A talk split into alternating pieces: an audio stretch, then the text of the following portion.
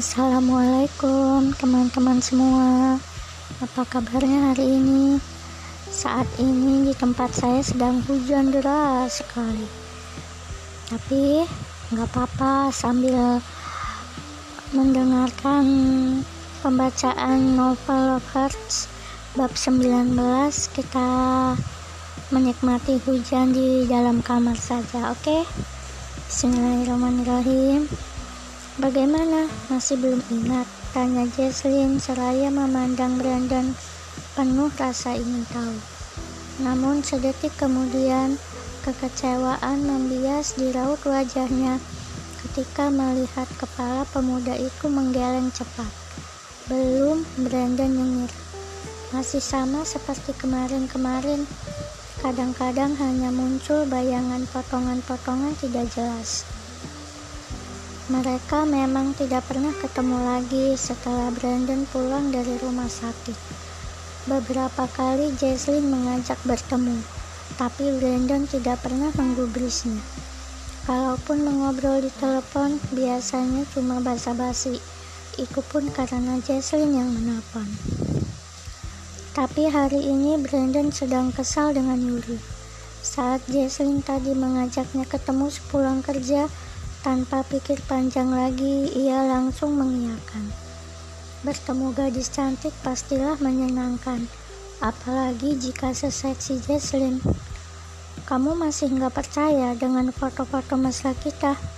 Sudah kubilang, bukannya nggak percaya, tapi aku nggak ingat hubungan kita sama sekali. Kamu mau aku bawa ke mana-mana tanpa ada status?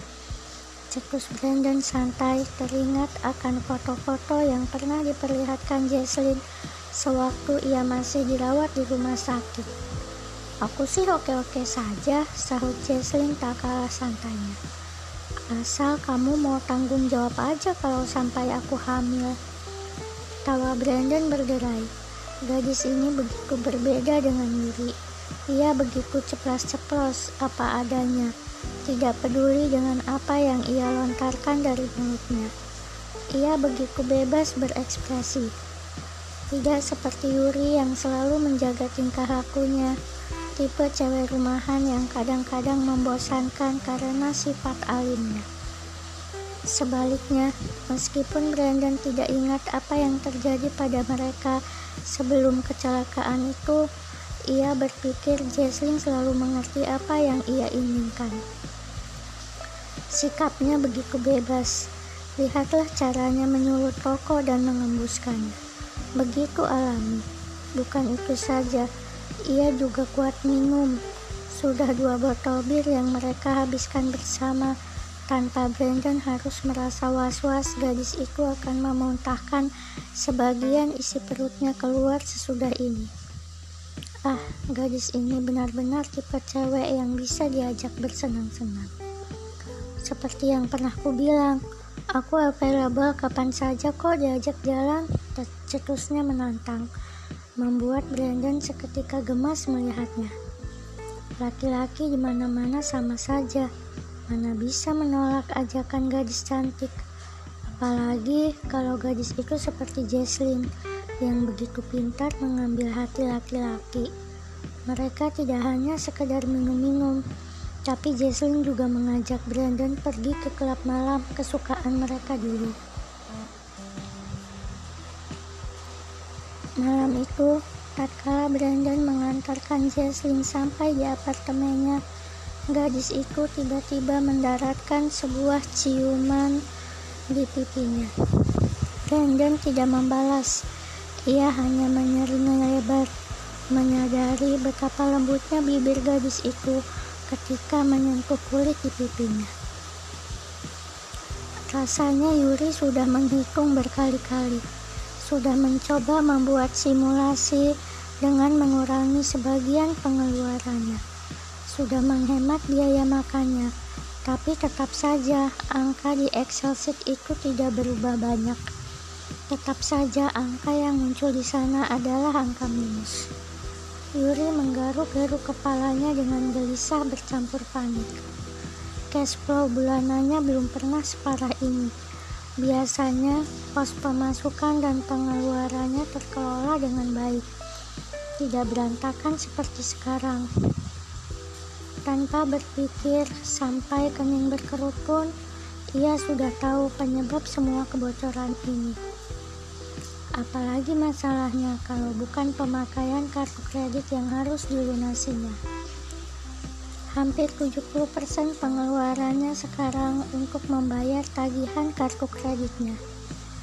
Itu karena cicilan yang harus ia bayar setiap bulan untuk pembelian baju-baju dan sepatu bermerek supaya tampil menarik dan tidak membuat Brandon malu di depan teman-temannya. Sekali lagi Yuri menghitung ulang, bolak-balik. Hasilnya tetap saja sama, Pengeluarannya sekarang lebih besar daripada uang yang ia terima dari otosan. Apalagi ia belum bekerja. Tiba-tiba kata itu seperti menyadarkannya. Ya, ia belum bekerja. Dan sekarang yang harus ia lakukan adalah segera mencari pekerjaan. Tidak mungkin meminta ayahnya menambah kiriman uang lagi. Ia sudah lulus kuliah jadi seharusnya ia memang sudah tidak minta uang lagi. Ketika ia mengutarakannya kepada Bani, sahabatnya itu langsung memandangnya dengan mata berbinar-binar.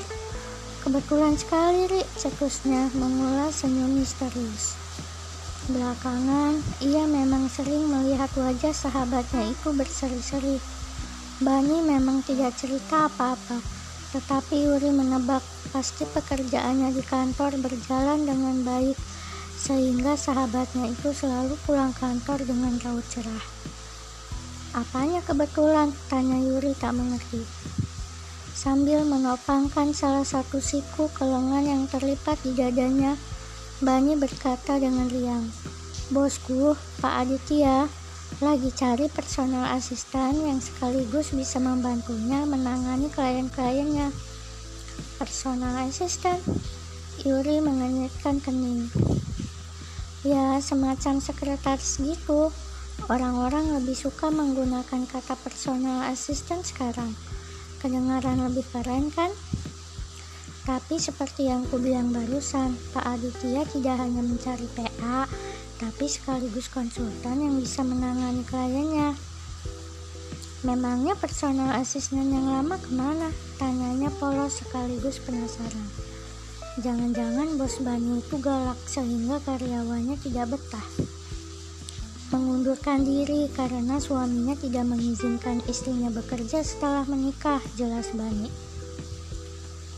Kalau tidak salah, Perusahaanmu bergerak di bidang konsultan manajemen? Tanya Yuri lagi. Iya, Bani memperhatikan keraguan di wajah sahabatnya. Kenapa? Bukankah kita lulusan manajemen? Kamu yakin dia enggak cari yang sudah berpengalaman? Aku belum tanya sih, tapi kupikir Pak Aditya bersedia memberi kesempatan pada yang baru lulus dan belum berpengalaman seperti kita kalau kita juga tidak kalah dengan yang sudah berpengalaman. Yuri terdiam. Melihatnya tak bereaksi, Bani melanjutkan lagi dengan berapi-api. Ini kesempatan bagus loh, Ri, desaknya geregetan sambil membereskan pakaiannya. Katamu dulu ingin cepat-cepat cari pekerjaan sehabis pulang liburan dari Jepang. Siang itu, mereka tengah duduk-duduk di kamar Bani yang bersebelahan dengan kamar Yuri. Gadis itu tengah menyusun pakaian-pakaian di atas ranjang yang baru saja diantarkan oleh petugas laundry. Tentu saja aku ingin cepat-cepat dapat kerja nih, sahut Yuri sungguh-sungguh. Ika dan Bani langsung mendapat pekerjaan sehabis wisuda. Ia tidak mau dibilang sarjana pengangguran, Sebetulnya beberapa hari yang lalu ia juga baru mengirimkan beberapa surat lamaran ke beberapa perusahaan yang sempat dilihatnya membuka lowongan di koran. Kalau begitu, besok kamu langsung kirim CV ke Mbak Nining. Biar nanti aku bilang kepada Pak Aditya atasanku. Kalau dia sudah oke, kamu bisa langsung interview, ujar Bani meyakinkan. Raut wajah Yuri seketika berseri-seri, matanya berbinar-binar gembira. Ia beranjak berdiri dan memeluk Bani penuh haru. Thanks a lot. Bani tersenyum lebar sembari melepaskan pelukan Yuri. Jangan senang dulu, kamu belum resmi diterima. Tapi aku yakin Pak Aditya pasti menyukainya. Ah, kalau kamu yang memberikan rekomendasi, aku yakin pasti diterima, kata Yuri sungguh-sungguh. Berdoa saja, cetus Bani masih tersenyum lebar sembari mengambil potongan pakaian terakhir di atas ranjang dan memasukkannya ke lemari. Janji Lori, kalau diterima, gajian pertama terakhir aku makan-makan, sahutnya setengah bercanda. Beres, kamu tinggal ngomong saja mau makan apa. Mereka langsung tertawa berbarengan. Tanpa melalui proses yang rumit, Pak Aditya langsung meminta kepala bagian personalianya menyiapkan offering letter yang langsung ditanda tangan Yuri. Setelah mendengar penjelasan Pak Aditya tentang pekerjaannya, Yuri langsung memahami tugas-tugas penting yang harus ia tangani. Yuri bersyukur sekali mendapatkan pekerjaan yang ditawarkan Bani. Selain karena ia memang menyukai pekerjaan itu, atasannya sendiri sangat ramah. Ia pun terlihat masih muda. Cara bicaranya saat wawancara tadi begitu santai, sehingga membuat Yuri ikut merasa tenang. Ia bisa menjawab semua pertanyaan dengan cukup memuaskan Padahal ini pertama kalinya ia melakukan wawancara kerja. Selain ramah, Pak Aditya juga terlihat gagah dengan lekuk wajah yang menawan. Tubuhnya tinggi semampai, rambutnya hitam tebal bergelombang, dengan dua alis tebal mengapit hidung yang mencuat tinggi dan belahan dagu yang menggurat dalam. Jadi, bagaimana? Tanya Bani cengar-cengir begitu mereka bertemu di kantin kantor di basement. Selesai wawancara dan bertemu Ibu Tiara, kepala, kepala personalia yang menjelaskan isi offering letter dan peraturan peru, peraturan perusahaan, waktu sudah menunjukkan jam 12. Yuri dan Bani sepakat untuk bertemu di kantin. Aku diterima nih, Pak Yuri terharu bercampur senang seraya menghambur ke arah sahabatnya. Bani segera memeluknya dan menepuk-nepuk punggungnya sembari mengucapkan selamat. Apa ku bilang, Pak Aditya pasti menyukai profilmu. Kamu cocok dengan tugas itu, kata Bani setelah mereka duduk berhadapan di salah satu bangku dengan makanan masing-masing di atas meja. Suasana kantin di siang hari itu lumayan ramai. Ngomong-ngomong, kamu sudah telepon Brandon kalau kamu diterima? Tanya Bani seraya memasukkan sepotong kedondong ke mulutnya. Bani sedang diet sehingga ia hanya makan buah sebagai makan siang. Sudah, jawab Yuri datar. Tapi ponselnya tidak aktif. Aku sudah mencoba menghubunginya beberapa kali. Bani manggut-manggut. Aku yakin Brandon pasti senang mendengarnya. Karena belum tahu reaksi Brandon seperti apa, Yuri tidak mengomentari ucapan Bani. Setelah pertengkaran kecil seminggu lalu, ia memang belum bertemu Brandon lagi. Mereka hanya sempat berkomunikasi lewat WhatsApp dua hari yang lalu. Melihat Yuri hanya tertegun diam, Bani merasakan ada sesuatu yang kurang beres. Semuanya baik-baik saja, Ri. Tanyanya curiga.